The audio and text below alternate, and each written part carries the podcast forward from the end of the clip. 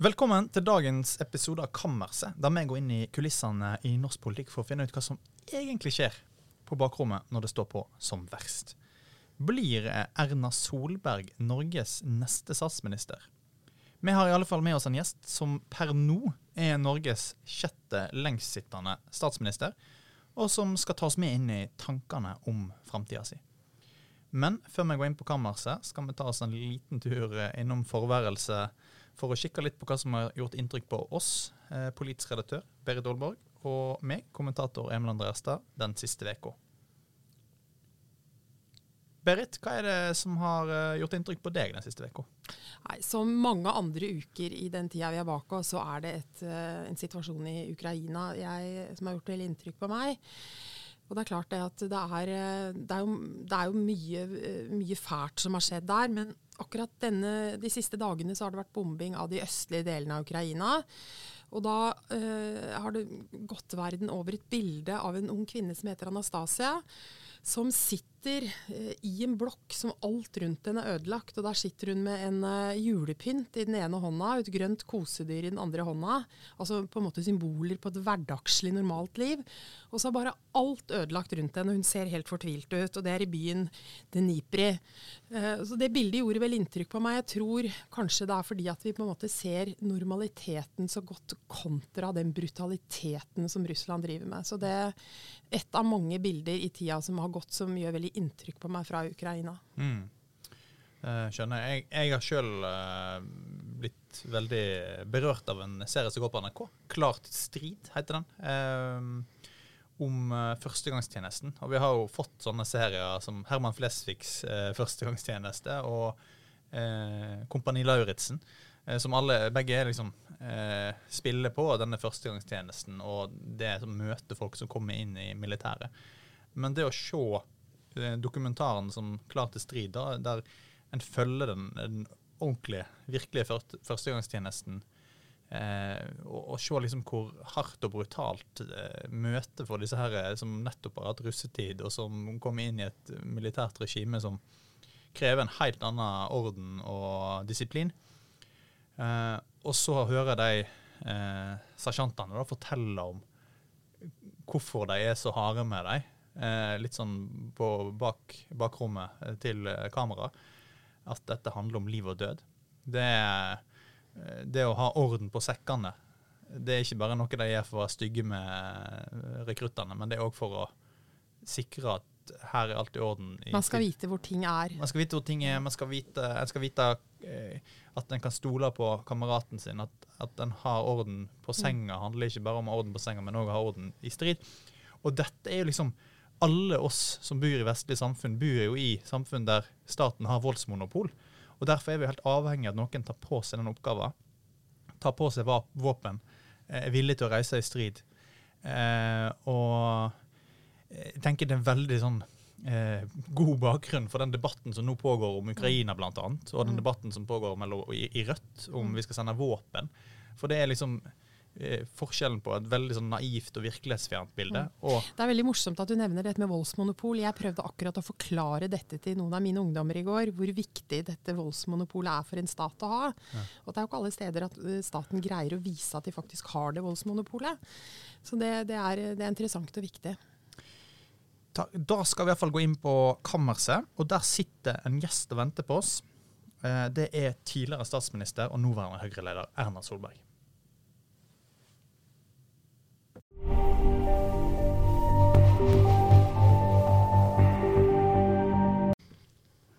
Velkommen til deg, Erna Solberg. Du, vi er veldig glad for å ha deg her. Du er jo per nå Norges eh, sjette lengstsittende statsminister. Eh, og vi har invitert deg her i dag fordi du ganske nylig offentliggjorde at du ikke er helt fornøyd med den tittelen. Så eh, velkommen. Takk skal du ha. Og så er jeg ikke så veldig opptatt av å telle dager da, på dette. Jeg er mest opptatt av at du skal få gjort noe. Mm.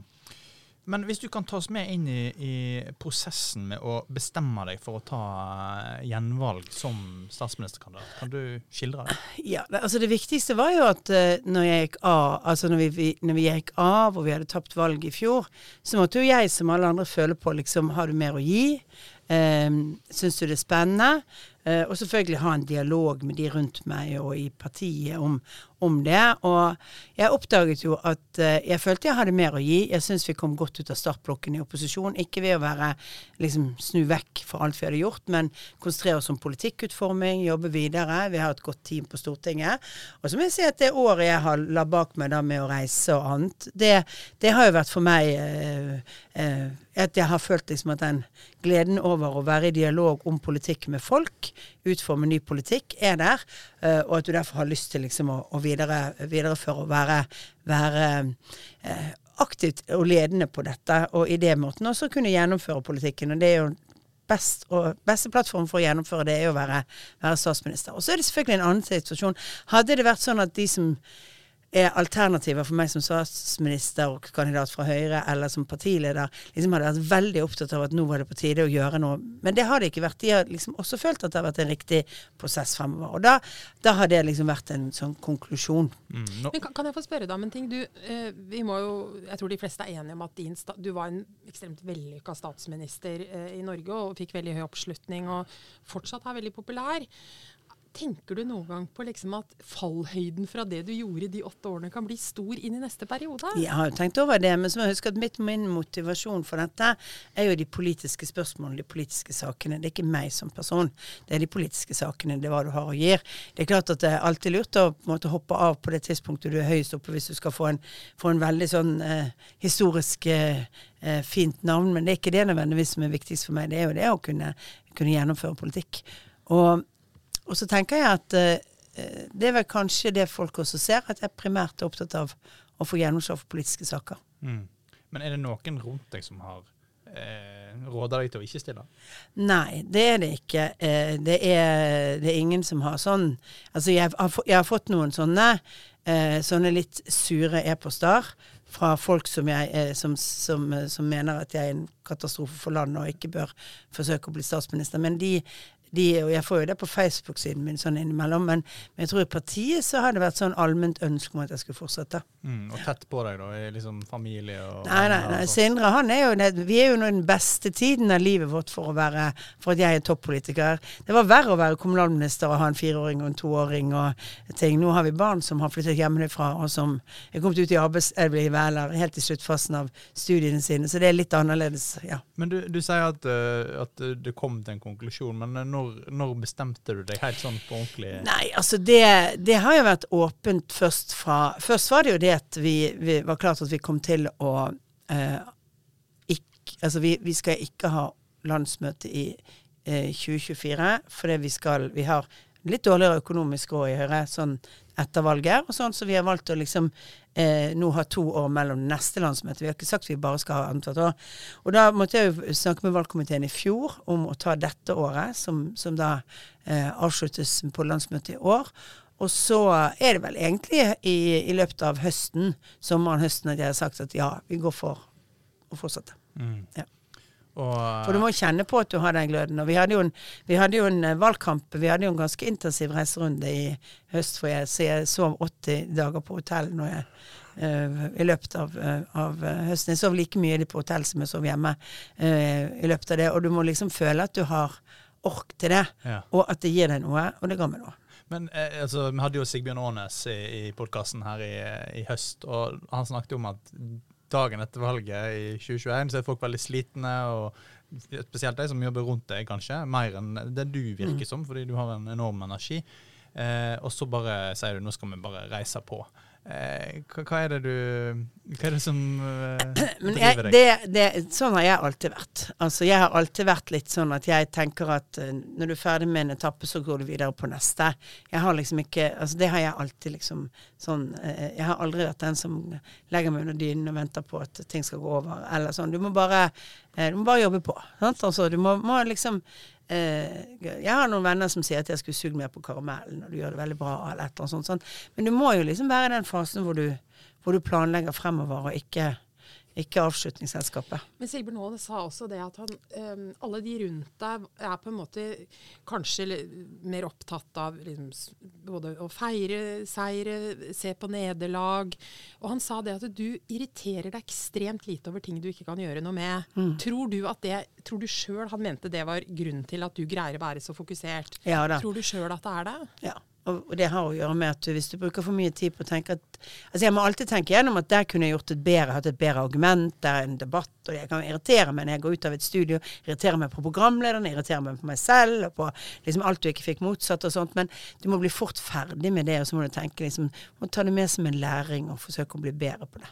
Men det, det er ikke eh, Det tror jeg egentlig at jeg har, tror jeg har gjort fra jeg Tror du det er personlighetstrekk? Ja, jeg tror det er et personlighetstrekk. Det tror litt sånn, sånn uh, uh, Og så har det blitt forsterket. Jeg pleier ofte å fortelle den historien når jeg er på sånne, blir invitert til å snakke litt sånn mer om ja, sånn politikerrollen var det at mitt uh, når, kom, når, jeg kom på Stortinget i, for veldig veldig lenge siden, så var Astrid Nøkkeby Heiberg og Wenche Fogh Sellæg liksom stortings en avgått, en fortsatt stortingsrepresentant. De hadde introduksjonskurs i to dager for Høyres nye stortingsrepresentanter. Og da brukte de et bilde liksom det der med mediejaget og saker som kom, og ting som var vanskelig. Eh, så, så, som var liksom å tenke deg at du er, eh, du er, reven på en engelsk revjakt. Og da gjelder det å komme seg på, opp på den største steinen, trekke tærne til seg og vente til en ny rev går forbi. Altså egentlig den der forståelsen av at det går over og at du må tenke at her gjelder det bare å Og det tror jeg jeg har hatt med meg siden. Jeg syns det er et godt bilde. Mm. Hvordan de enormt gode målingene som har vært i høst for Høyre, altså opp mot 40 eh, Ja, ja, ja. Var 35 tror jeg dere hadde på én, og den var veldig utenfor. Det har vært over 36. Nesten, ja, ja. Men hvordan påvirker det motivasjonen din til å ta igjen? Eh, det er selvfølgelig også eh, hyggelig sant, å se at det er og, og, og, du opplever en forventning hos folk at eh, når du treffer de ute, at det, jeg merker jo når jeg er ute at det er god stemning rundt oss som parti. Sant? Det er selvfølgelig alltid noen, som, men det er ikke mange som på en måte kommer med veldig sånne kritiske Noen som kommer med spørsmål og sånt, men det er ikke så mange som, som er sånn negative. Som jeg har opplevd i mitt liv som politiker, at folk har skjelt deg ut. Altså, jeg har vært igjennom en EU-valgkamp. Det, det, tror jeg bryner alle for, hva du kan få av påstander og angrep, og til og med bli spyttet på for uh, i full offentlighet på grunn av det. Så jeg tenker at uh, du, du venner deg jo uh, Altså det, det, er en annen stemning når du har vært ute. Så syns jeg jo at uh, det er det er også krevende. For jeg vet jo at det er lenge til valget, og du vet jo at det er en fallhøyde. For du vet, altså Jeg har jo opplevd dette en gang før. 2012-2013 eh, hadde vi veldig høye meningsmålinger. Da hadde vi faktisk en meningsmåling i Aftenposten på 40% Og så fikk vi 26,8 men vi visste jo hele tiden at når det var så mange som satt på gjerdet, og at Arbeiderpartiet hadde så lite mobilisering, så var det sannsynlig at dette ville jevne seg mer ut mot valget. Eh, og, og, og, at det er en sånn dynamikk som kanskje skjer. Og vi opplevde jo kanskje at 2013-valgkampen så var vi mer på tiltalebenken for journalister enn vi var enn det regjeringen faktisk var i veldig mange sammenhenger. Eh, litt i motsetning til det jeg opplevde når jeg var statsminister nå. Så det, men, eh, men, det var fordi vi kom med en sånn veldig høy, høy eh, altså bakgrunn inn i, på meningsmålingene inn i valgkampen. Men, eh, og vi vet jo at det kan skje. Men jeg tror jo at det er et helt genuint stemningsskifte som vi merker ute. Eh, der er var alltid noen som, som, sa at det betyr ikke noe hvem du velger, og sånt, særlig i næringsliv og sånn. Ja, ja, det er noe sånn stabilitet i Norge. Den opplever ganske mange har forsvunnet denne høsten, altså. Men eh, eh, hvor rettferdig vil du altså, hevde at disse meningsmålingene er i all den tid du og Støre stort sett deler politiske syn i de store sakene? Men jeg tror det er veldig feil og farlig for, for, uh, for både jeg ser at Arbeiderpartiet snakker mest om det, jeg ser at mange andre, og tror at dette bare dreier seg om strøm. Dette dreier seg om noen andre dimensjoner òg enn disse akkurat løsningene rundt det. Det dreier seg om at det oppleves som Norge er uforutsigbart. Veldig mange i næringslivet opplever det. Men det er veldig mange som jobber i det næringslivet. Det er veldig mange som opplever deres arbeidsplasser, ting rundt de, som opplever liksom at, at, det, eh, at det er annerledes. Alle de som jobber, alle de som nå har drevet innenfor rus, psykisk helse, innenfor både ideelle, men også private eh, organisasjoner og, og, og, bedrifter som har, som har eh, levert på fritt behandlingsvalg, som nå ikke vet om de får De får jo ikke pasienter fra 1.1. Så tror regjeringen at eh, da kan de drive fremover. Nei, altså det kommer jo bedrifter. Jeg skal til Vangseter de, Vangseter er en av de lengste alkohol... Eh, altså de som har jobbet med alkoholister i Norge i, veldig veldig mange år. De trues nå med nedleggelse. Sant? Det er masse uro. Skolen så forsvinner lærerspesialistene pga. regjeringen. Og så har du fylkesreverseringer og mye annet sånn. Så det er mye mer. Og det, det jeg ser at i, i en verden hvor det er veldig urolig ute, så må jobben til en regjering være å skape mer ro hjemme. Og det motsatte regjeringen har gjort, med en agenda på reversering. men og, og summen av det er mange flere steder med denne, denne uroen eh, som Så, så eh, eh, jeg tror det blir fort liksom sånn hvis man bare tar den dimensjonen og snakker om strøm, som ja, vi ville hatt det samme Jeg har sagt helt, eh, helt åpent at vi ville hatt de samme høye strømprisene, at, og det ville vi hatt uansett hvem som har sittet i regjering i dag. Eh, og mange av de som har veldig sånn forenklede strømmodeller nå ville opplevd at det hadde skapt veldig mye større uro på mange områder. Men, men jeg, jeg, tror man må, må, må, se at det har skapt mye uro med denne regjeringen. Delvis av reverseringene, men også på alle de andre områdene som man opplever Som ikke kanskje kommer opp i debatten for det. Men jeg vet jo at de som jobber rundt skolen, er mest opptatt av deres hverdag. De som er i sykehusene, er opptatt av deres hverdag. Så er det jo en krasjlanding for en regjering å som nå har stått i åtte år og ment at vi hadde dårlige sykehusbudsjetter. Og nå står de som første regjering og forteller at nå må dere slutte å gjøre ting på sykehusene. Mm. Altså det her eh, Når du ser Jonas Gahr Støre nå, eh, og han, du har sittet i stolen hans, mm. du har hatt jobben, du kjenner han godt. Eh, hvor synd syns du på på mennesket Jonas Gahr Støre som en hyggelig fyr, og som, som ja, sånn, sånn, så syns jeg selvfølgelig synd på ham. Men det er jo det er jo result... Altså, politikken er jo sånn. Mm. Altså, vi har alle vært igjennom tøffe tider hvor folk har sånt, og, og eh, så sånn sett så, så, så altså, Fordi vi er et lite land med tetthet mellom politikerne, og vi kjenner hverandre, sånn, så kan du synes synd på eh, Synes kanskje mest synd på på, eh, på ja, altså partiets evne til å backe opp, da. Mm. Det tror jeg nok. Mm. Jeg har alltid opplevd at uh, også i de tidene hvor media skrev mye, så har jeg opplevd at jeg har hatt ganske god støtte for de kursvalgene og de tingene vi har gjort i partiet. Og da har man stått igjennom litt vanskelige tider.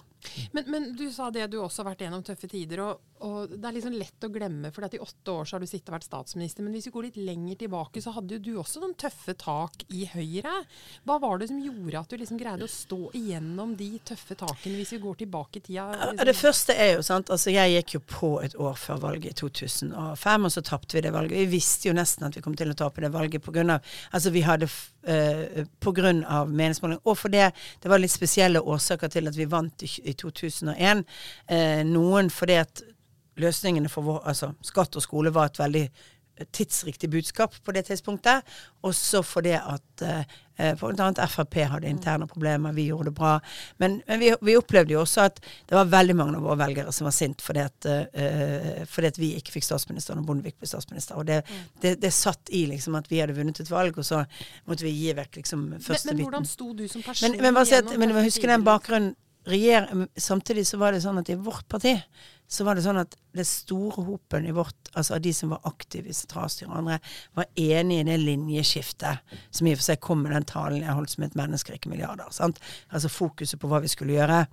Det var noen som ikke nødvendigvis var like med på den prosessen. Men øh, øh, og sånn. Så jeg opplevde jo at det var backing i partiet på dette. Sant? Og da står det jo mye enklere i også at folk kan mene at jeg ikke er god nok retorisk, at jeg skal være like sint i alle debatter som, uh, som Siv på det tidspunktet. Altså Hun var jo mest kritiske opposisjonen. Sant? Men, vi, men det som jo etter hvert viste seg, var at det, var, det er ikke svaret til høyrevelgere. Høyrevelgere vil ha løsningsorienterte politikere. Og så tar det tid å komme seg gjennom et sånt tap. Men jeg tror at det viktigste i styrken er det at du kan legge vekk deg og konsentrere om sakene, og at linjevalget var liksom noe det brede flertallet i, hadde vært med på at vi måtte gjøre. Mm. Du, jeg har lyst til å stille deg ett spørsmål til, fordi du er jo den andre kvinnelige statsministeren Norge har. Uh, og det har jo ofte vært sagt at mange kvinnelige politikere Vi så f.eks. statsministeren i Finland fikk en del hets, og det blei liksom fokusert på kjønnet hennes. Uh, men etter at du ble statsminister, så opplever i hvert fall jeg at du har fått veldig lite sånn, skal vi kalle det kjønna kritikk. da. Du har liksom vært statsministeren, du har blitt kalt for landsmoder, men du har ikke fått den er, Jeg opplever ikke at du har blitt behandla noe annerledes enn menn som, som har sittet i din uh, stol da du satt der jeg har tenkt på, Er det fordi du er, så, du er en veldig faktabasert politiker? Er det noe av grunnen? Hva tenker du selv om disse tingene? Jeg tenker at det er forskjell på å være veldig ung, eller relativt sett ung, eh, i, i, sånne posisjoner. Eh, så tror jeg det norske samfunnet er mer modent. Vi har hatt kvinnelig statsminister før. Det gjør liksom at det, det er mange flere kvinnelige politikere. Under pandemien så ble jeg ofte spurt liksom om, om, om Fordi det var mange, mange kvinn... Eh, altså mange av de landene som gikk best, hadde stat, eh, kvinnelige statsministre. Så sa jeg at jeg skulle gjerne sagt at det var fordi at kvinner var bedre enn menn. Men jeg tror det har noe med at de samfunnene som velger som, som, som på en måte hvor det er naturlig også å kunne velge en kvinnelig statsminister, er annerledes enn de samfunn som ikke Og det er de, det er de, underliggende trekkene som er. Og det går på tillit, det går på, på, på, på det. Og jeg, så tror jeg liksom at det at jeg er voksen, at folk etter hvert kjente meg, at jeg ikke tar meg selv så veldig høytidelig. Eh, og eh, ja, så ble det kanskje, eh, litt mindre utsatt for den typen kritikk. Jeg fikk jo kritikk for enkelte ting, med sånn, men, men, jeg tror rett og slett at eh, eh, folk kanskje det, tenkte på meg mer i rollen enn som liksom dame. Kan dette ha noe sammenheng med personligheten din? At, uh, altså, hvordan går kritikk inn på deg, og den kritikken du får? Eh, altså, sånn, sånn sjikanekritikk går ikke så veldig inn på meg, for jeg tenker at det er, det er bare ondsinte mennesker som tenker, Jeg tenker Det er litt sånn som når Brann gjør, øh, når, når Brann gjør dårlige kamper, så må Brann-tilhengerne bli veldig sinte og mene veldig mye. tenker jeg at Det er litt sosial terapi.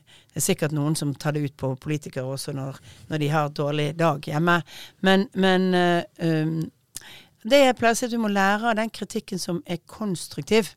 Altså Du må ikke bare skyve vekk all kontrikk, for der blir du liksom bare, blir bare egentlig veldig arrogant. Så du må lære den som er konstruktiv.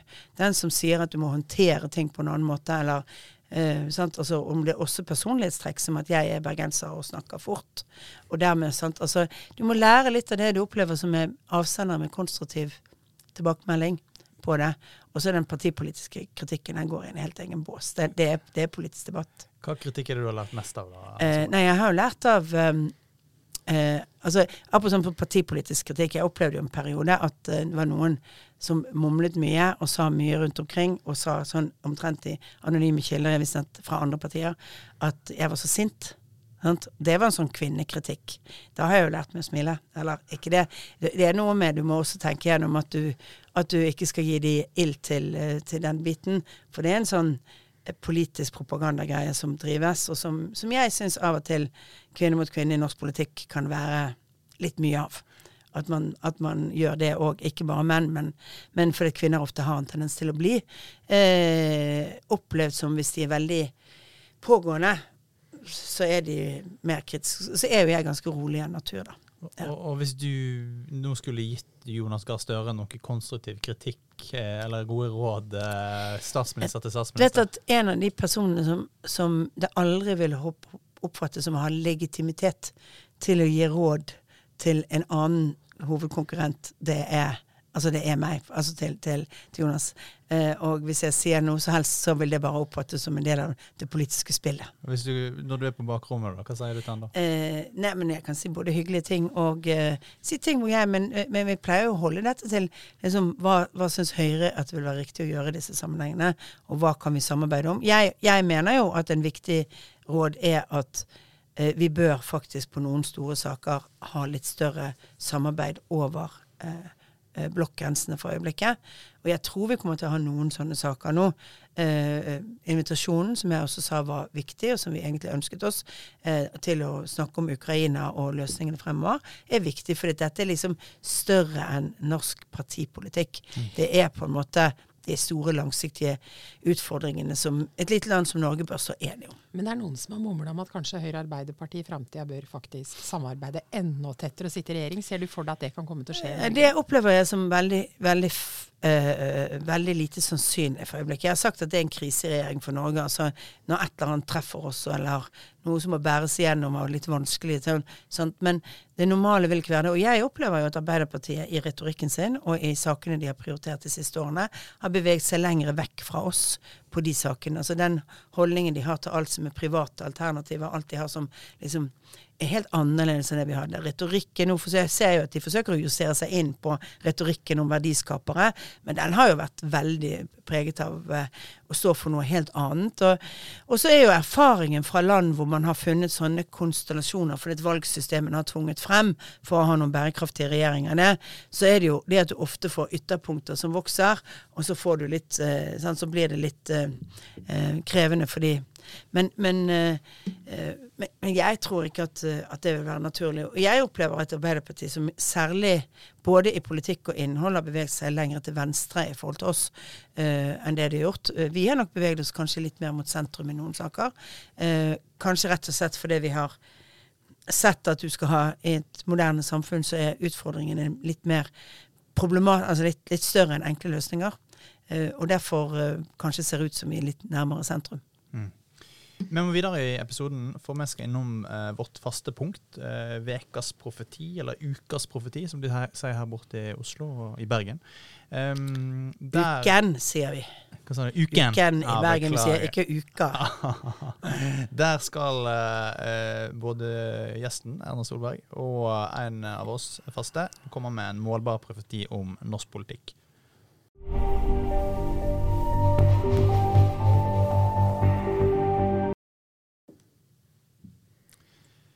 Ja, Anna Solberg, vi har utfordra deg. Hva, hva, er din uh, dristige profeti om norsk politikk? Altså, Den er ikke så veldig dristig hvis jeg sier at Mart, eh, Marit Wanke blir, uh, blir, ordfører i Bergen. Men den dristigere er jo Høyre-kandidat i Bergen. Men, men, den dristigere er at jeg tror at Rødt kommer til å endre standpunkt når det gjelder militærvåpen til, til Ukraina.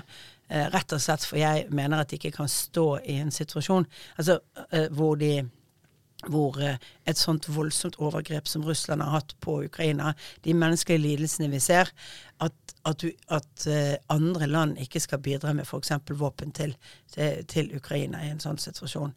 Det er Jeg uh, Det kan være spekulativt, men jeg tror jo at det vil være Hvis de ikke gjør det, så vil de jo i fremtiden se ut som de er Putins beste venner eh, i det politiske kartet, ikke bare i Norge, men i veldig mange naboland også. Og det så vi jo òg på NRK-debatten. Ja, men jeg ser at det er en debatt, og jeg tror de kreftene kommer til å vinne. For jeg kan ikke se at altså uh, jeg har jo levd med både forgjengerne til Rødt og sånn i et langt politisk liv og sånn, og de har jo aldri fremstått som pasifister. Eller eh, sånn tvert imot. De har jo vært eh, tilhengere av ganske mange eh, blodige overgrep, deres forgjengere og sånt. Så, så, det er jo ikke det der det ligger. Og det å si at et folk ikke skal ha rett til å, å, å forsvare seg, og at de skal få hjelp fra andre land til å forsvare seg, det tror ikke jeg er bærekraftig fremover. Og det tror jeg også Eh, et Rødt som iallfall vil appellere mer enn til en veldig snever, liten kjerne av folk, tror jeg det kommer til å være vanskelig å stå for.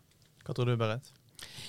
Jeg har en veldig dristig profeti i dag, og den handler om eh, noe som kommer til å skje i regjeringsskiftene, i, altså utbyttinga i regjeringa som vi veit kommer, den sittende regjering. Og, og, du Emil, du har jo tidligere skrevet at du tror Hadia kommer tilbake. Det er det veldig mange som tror.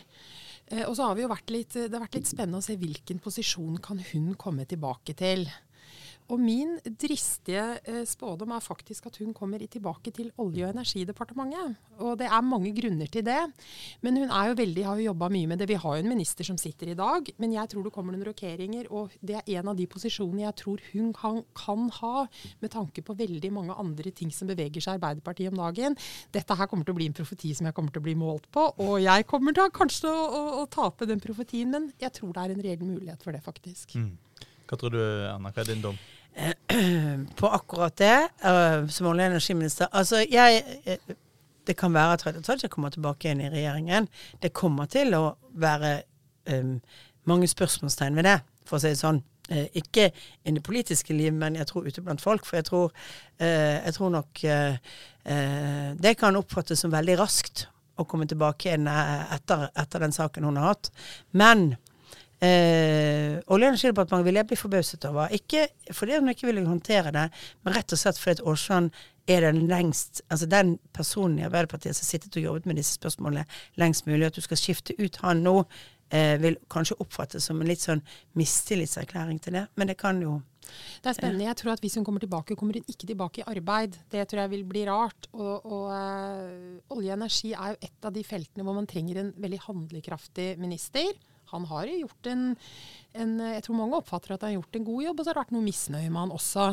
Så det er liksom en av de feltene hvor man liksom trenger å synes godt og vise altså Hadia Tajik gjorde jo veldig mye eh, som var for Arbeiderpartiet riktig når hun eh, satt som arbeidsminister. Skal hun ha noe annet, så det er jo liksom et sånn viktig område for dem å ha en ordentlig liksom, klo på uh, olje- og energipolitikken. Men vi får se. Det er jo spennende. Dette er jo bare en, en profeti mm. eller en spekulasjon, da. Ja, Det blir veldig spennende å se hvem som tenker mest som Jonas Gahr Støre av Erna Solberg og Berit Holborg. Mm. Eh, vi er ved veis ende. Tusen takk for uh, at uh, dere lyttet til oss, og takk for at du kom, Erna Solberg. Bare hyggelig å være eh, Send ris, ros, tips og innspill på kammerset alfakrøllvl.no, og så er vi tilbake med en ny episode neste uke.